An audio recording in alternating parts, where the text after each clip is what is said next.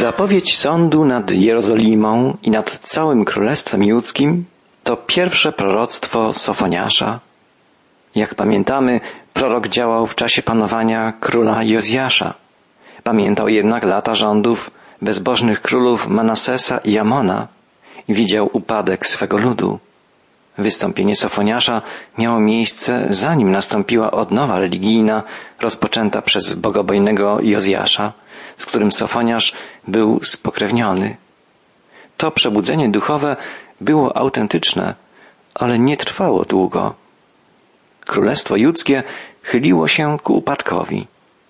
Sofoniasz podkreślał, że główną przyczyną upadku było odstępstwo ludu judzkiego, odwrócenie się od Boga i popadnięcie w nieprawość, w bałwochwalstwo i niemoralność. Mówiliśmy w czasie poprzedniej audycji, jaką skalę przybrało wówczas w Jerozolimie uprawianie kultów bóstw pogańskich, Baala, Aszery, Molocha, których posągi wypełniały nawet świątynię jerozolimską, gdzie uprawiano też nierząd sakralny, a w innym miejscu, na tak zwanym palenisku zgrozy, składano w ofierze małe dzieci. Lud judzki bardzo oddalił się od Boga. Zapomniano o Bożym prawie, nie znano Bożego Słowa. Społeczeństwo judzkie cofnęło się do poziomu duchowego właściwego najbardziej prymitywnym formom pogaństwa. Dlatego Bóg postanowił surowo osądzić swój lud. Najpierw posłał do niewoli asyryjskiej dziesięć północnych plemion izraelskich, a potem zapowiedział sąd nad pozostałymi dwoma plemionami Królestwa Południowego. Bóg ocalił Jerozolimę w czasie inwazji asyryjskiej dzięki właściwej postawie króla Hiskiasza i działającego w tamtym czasie proroka Izajasza. I Bóg przedłuży istnienie Królestwa Judzkiego jeszcze o kilkadziesiąt lat, na co wpłynie działalność praprawnuka Hiskiasza, proroka Sofoniasza i młodego, bogobojnego króla Jozjasza. Ale ponieważ pomimo wszystko lud judzki powróci do bałwochwalstwa, zostanie osądzony i wypędzony z ziemi obiecanej. Sofoniarz zapowiada w imieniu Pana Całkowicie usunę wszystko z powierzchni ziemi, wyrocznia Pana, usunę ludzi i bydło, usunę ptactwo powietrzne i ryby morskie i zgorszenia wraz z bezbożnymi i wytępię człowieka z oblicza ziemi, wyrocznia Pana. To bardzo mocne i bardzo surowe słowa. Słowo ziemia oznacza tu raczej ziemię ludzką, choć w jakiejś mierze Bóg zapowiada też poprzez usta proroka przyszły sąd nad całą ziemią. Kilkadziesiąt lat po wypowiedzeniu tego proroctwa przez Sofoniasza lud judzki zostanie wypędzony z Jerozolimy ale w dalszej mesjańskiej perspektywie zostanie osądzona cała ziemia, cała ludzkość. Wszystkie narody będą musiały zdać sprawę przed Bogiem w czasie wielkiego ucisku. Sofoniarz będzie prorokował siedmiokrotnie o nadchodzącym Dniu Pańskim. Po raz pierwszy czytamy o tym w siódmym wierszu pierwszego rozdziału. Milczcie przed obliczem Pana, Boga, gdyż bliski jest dzień Pański ale o tym wezwaniu będziemy mówili w czasie następnej audycji. A teraz skupmy naszą uwagę na słowach proroka wytępię człowieka z oblicza ziemi, usunę ludzi i bydło, ptactwo powietrzne i ryby morskie. Czy to tylko poetycka metafora? Czy rzeczywiście Boży Sąd dotknie nie tylko człowieka, ale i ziemię, zwierzęta, ptaki, ryby? W jakimś stopniu odpowiedź już znamy. Ziemia obiecana, płynąca mlekiem i miodem, bardzo żyzna, urodzajna, zamieniła się w większości w kraj pustynny, jałowy. A w skali globalnej ludzkość swoim bezmyślnym postępowaniem, swoją rabunkową gospodarką, zanieczyszczaniem środowiska już w dużej mierze doprowadziła do wyjałowienia ziemi do zachwiania równowagi biologicznej i klimatycznej. W perspektywie eschatologicznej, sięgającej krańców historii, nastąpi globalny sąd nad Ziemią, skażoną grzechem.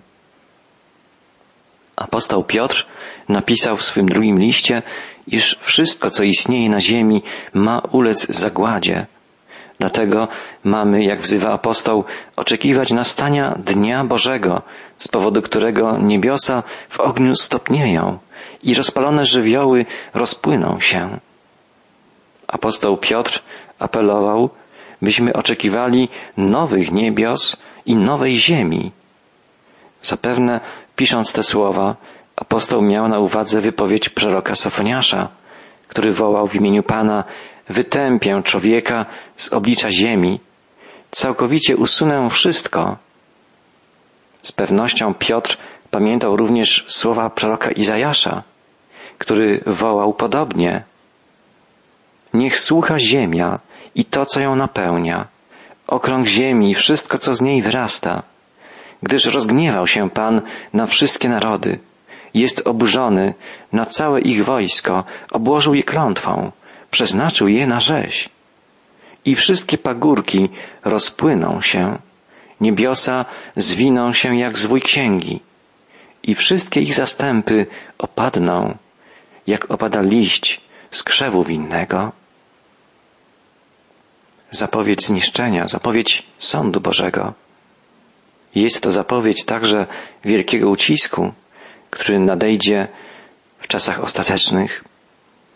Podkreślaliśmy już nieraz, że różne są poglądy na temat czasów ostatecznych, ale wydaje się, że przebieg wydarzeń będzie następujący. Chrystus najpierw pochwyci swój Kościół, czyli lud odkupionych, zbawionych przez siebie wszystkich tych, którzy mu zaufali. Potem dla pozostałej na ziemi ogromnej większości nastanie czas wielkiego ucisku, który będzie trwał aż do przyjścia Chrystusa, Mesjasza który pojawi się w Jerozolimie i stamtąd rozpocznie swe sprawiedliwe rządy. Ustanowi tysiącletnie królestwo. Przedtem, pod koniec okresu wielkiego ucisku, Mesjasz rozprawi się z wszystkimi nieprzyjaciółmi w bitwie zwanej Armagedonem. O tym wszystkim opowiadają rozdziały, których treść będziemy studiować, gdy czytać będziemy Księgę Apokalipsy.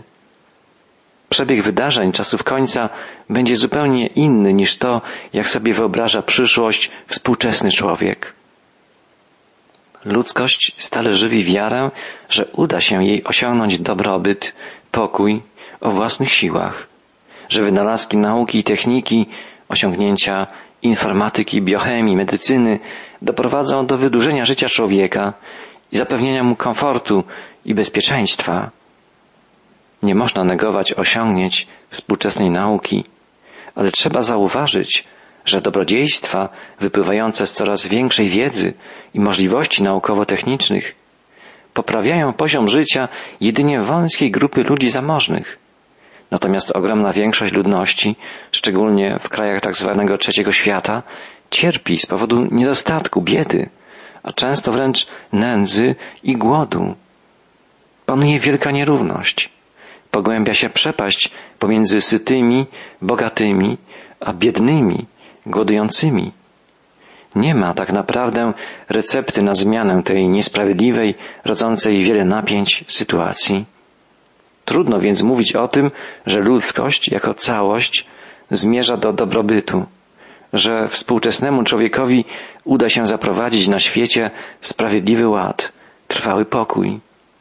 Doświadczenie wskazuje, że z powodu egoizmu, nacjonalizmu, materializmu człowiek nie jest w stanie przezwyciężyć piętrzących się trudności, negatywnych zjawisk, zarówno ekonomicznych, politycznych, jak i kryzysu moralności, upadku autorytetów, wzrostu przestępczości, przemocy, degradacji kultury. Symptomami są niepokój, bezideowość wyrażane przez współczesnych twórców oraz powstawanie wielu sekt religijnych i zwracanie się ku wróżbom, astrologii, horoskopom, spirytyzmowi.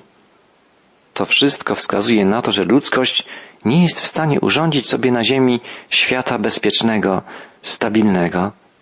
Wręcz przeciwnie, zmierza ku katastrofie, ku wielkiemu globalnemu konfliktowi. I takie są właśnie zapowiedzi biblijnych proroków. Człowiek, który oddalił się od Boga i nie szuka u Niego pomocy, jest skazany na rozczarowanie, na ciągłe napięcia i konflikty. Generalne odstępstwo od Boga doprowadzi do ostatecznego konfliktu, ostatecznej rozprawy ze złem, które nastąpi w czasie wielkiego ucisku, a w końcu dzięki zwycięstwu Mesjasza, Chrystusa, nastanie królestwo pokoju, królestwo duchowego przebudzenia, ożywczego działania Ducha Świętego, zaprowadzenia sprawiedliwości i bezpieczeństwa w oparciu o prawdy Bożego Słowa i o moc działania Króla Królów, Jezusa Chrystusa. Pamiętamy, że prorocy Starego Testamentu często wzywali niebo i ziemię i wszystko, co ją napełnia, jako świadków sądu nad wszystkimi narodami. Najpierw musi się dokonać ów sąd. On niechybnie nastąpi gdyż rozgniewał się Pan na wszystkie narody, jest oburzony na całe ich wojsko, obłożył je klątwą, przeznaczył je na rzeź. Słowa prorockie opisujące sąd nad narodami są bardzo ostre, drastyczne. Czytamy u różnych proroków o tym, że Bóg kipi gniewem, że wrze z oburzenia, który przeznaczył wrogie wojska na zagładę, wydał je na rzeź.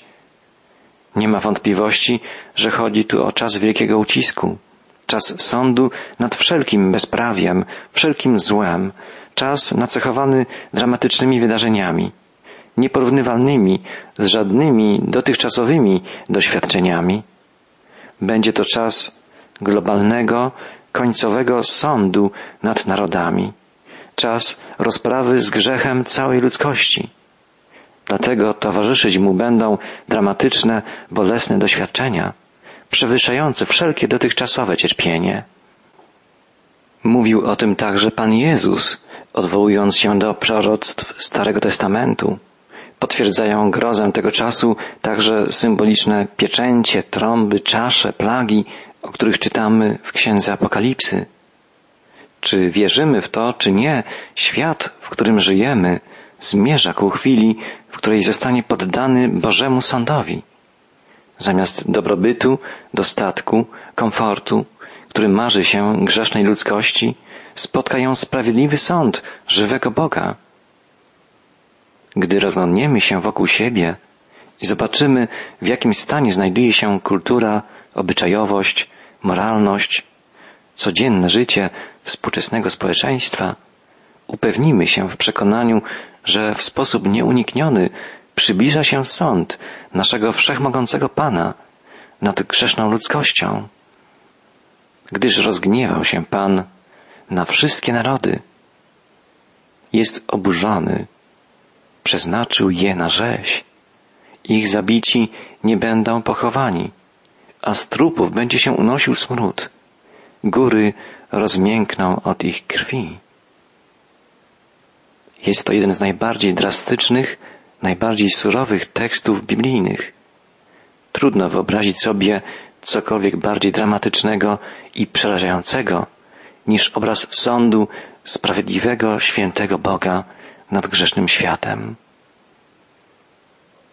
Wypowiedzi naszego Pana, zapisane przez ewangelistów, i obrazy, które ukazuje nam Księga Objawienia, Księga Apokalipsy, pozwalają nam w jakimś stopniu wyobrazić sobie, choć w przybliżeniu, jak przerażającą rzeczą będzie Boża rozprawa ze złem na tej ziemi. Kiedy myślę o ludziach, którzy wątpią, nie wierzą w nadejście Bożego Sądu, przypomina mi się opowieść jednego z misjonarzy, który odwiedził pewien ubogi kraj, po tym jak przeszedł przez jego teren potężny huragan. Misjonarz, przemierzając setki kilometrów, oglądał niewiarygodne zniszczenia. Powalone drzewa, domy, całe miasta leżące w ruinach, hektary lasów zmiecionych z powierzchni ziemi. Huragan był potężny i był zapowiadany przez służby meteorologiczne. Jednak nie wszyscy uwierzyli w to, że kataklizm będzie aż tak groźny. Jedna z rodzin zignorowała dramatyczne prognozy, ostrzeżenia i pozostała w swoim okazałym domu. Zamiast się ewakuować, postanowili urządzić przyjęcie. Upili się piwem. W czasie huraganu dom został zmiażdżony i wszyscy zginęli w jednej chwili. Podobnie może stać się z ludźmi, którzy ignorują Boże ostrzeżenia. Biblia informuje nas, że nadchodzi Boży Sąd. I niezależnie od tego, czy wierzymy w to, czy nie, Boży Sąd nastąpi. Wszystkie pagórki rozpłyną się. Niebiosa zwiną się jak zwój księgi i wszystkie ich zastępy opadną, jak opada liść z krzewu winnego, jak opada zwiędły liść z drzewa figowego. Kiedy nadchodzi jesień, liście żółkną i wcześniej czy później opadają. Tak samo nieuchronnie nadejdzie Boży Sąd. Jest tylko jedna rada dla wszystkich, którzy chcą uniknąć zagłady. Skryć się w cieniu potężnej skały, którą jest Chrystus. Skały zbawienia, o której mówili niemal wszyscy prorocy. Tylko budując na tej duchowej skale, którą jest Chrystus, możemy przetrwać wszelkie burze i doczekać nowych niebios i nowej ziemi, w których zamieszka sprawiedliwość. Obraz tej nowej rzeczywistości najpełniej ukazuje Księga Apokalipsy, ale zapowiedzieli ją i opisali już prorocy Starego Testamentu. Na przykład prorok Izajasz wołał w imieniu Pana, Oto ja stworzę nowe niebo i nową ziemię, i nie będzie się wspominało rzeczy dawnych, i nie przyjdą one na myśl nikomu. Do tych proroczych słów Izajasza kilka razy odwoływali się autorzy Nowego Testamentu. Apostoł Piotr w swoim drugim liście napisał, skoro to wszystko ma ulec zagładzie, jakimiż powinniście być wy w świętym postępowaniu i w pobożności, jeżeli oczekujecie i pragniecie gorąco nastania Dnia Bożego, z powodu którego niebiosa w ogniu stopnieją i rozpalone żywioły rozpłyną się. Ale my oczekujemy, według obietnicy, nowych niebios i nowej ziemi, w których mieszka sprawiedliwość. Wcześniej w tym samym fragmencie listu Piotr apostoł wyjaśniał, jak bardzo mylą się ludzie, którzy twierdzą, że świat się nie zmienia, że wszystko, co istnieje od początku, trwać będzie tak nadal. Obstając przy tym, przeoczają, pisze apostoł, że od dawna były niebiosa i była ziemia, która z wody i przez wodę powstała mocą Słowa Bożego, przez co świat ówczesny, zalany wodą, zginął ale teraźniejsze niebo i ziemia mocą tego samego słowa zachowane są dla ognia i utrzymane na dzień sądu, na dzień zagłady bezbożnych ludzi. Ze słów apostoła wynika, że możemy mówić o trzech światach. Tym, który był i został zalany wodami potopu, obecny świat, który będzie poddany sądowi ognia, i w końcu nowa ziemia i nowe niebo, zapowiadane przez proroków, nowe stworzenie, które objawi się w czasach mesjańskich. O tej nowej rzeczywistości mówił sam Jezus, gdy zapowiadał dzień sądu ostatecznego. W Ewangelii Mateusza czytamy, a gdy przyjdzie Syn Człowieczy w chwale swojej i wszyscy aniołowie z Nim, wtedy zasiądzie na tronie swej chwały i będą zgromadzone przed Nim wszystkie narody i odłączy jedno od drugich, jak pasterz odłącza owce od kozłów. Wtedy powie król tym po swojej prawicy, pójdźcie, błogosławieni Ojca mego, odziedziczcie królestwo przygotowane dla was od założenia świata. Od założenia świata przygotowane jest dla wierzących królestwo, nowa ziemia i nowe niebo, o którym czytamy w Księdze Apokalipsy. Jan świadczy, widziałem nowe niebo i nową ziemię, bowiem pierwsze niebo i pierwsza ziemia przeminęły.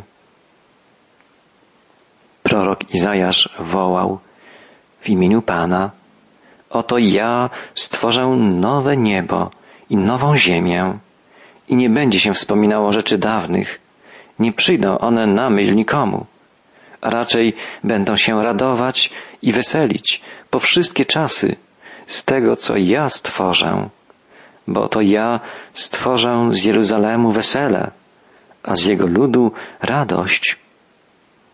Prorok zapowiedział błogosławieństwa tysiącletniego królestwa i chwałę królestwa wieczności. Królestwo mesjańskie będzie początkową fazą królestwa wiecznego. Tysiącletnie królestwo będzie czasem przesiewania. Nic nieczystego, żadna nieprawość nie wejdzie do Bożego Królestwa. Kiedy sprawiedliwe rządy Mesjasza, Chrystusa obejmą całą ziemię i wszyscy, którzy Mu zaufają, podporządkują się Bożemu prawu, wtedy całe stworzenie będzie gotowe na całkowitą przemianę. Wszystko stanie się nowe. A przedtem, jeszcze w czasie tysiąclecia, Jerozolima stanie się miastem pokoju i radości. Taka jest wizja przyszłości, piękna i bardzo ważna dla nas wszystkich, nie tylko dla ludu pierwszego przymierza. Oznaczać będzie bowiem spełnienie pragnień i nadziei całego ludu Bożego, ludu pierwszego i nowego przymierza.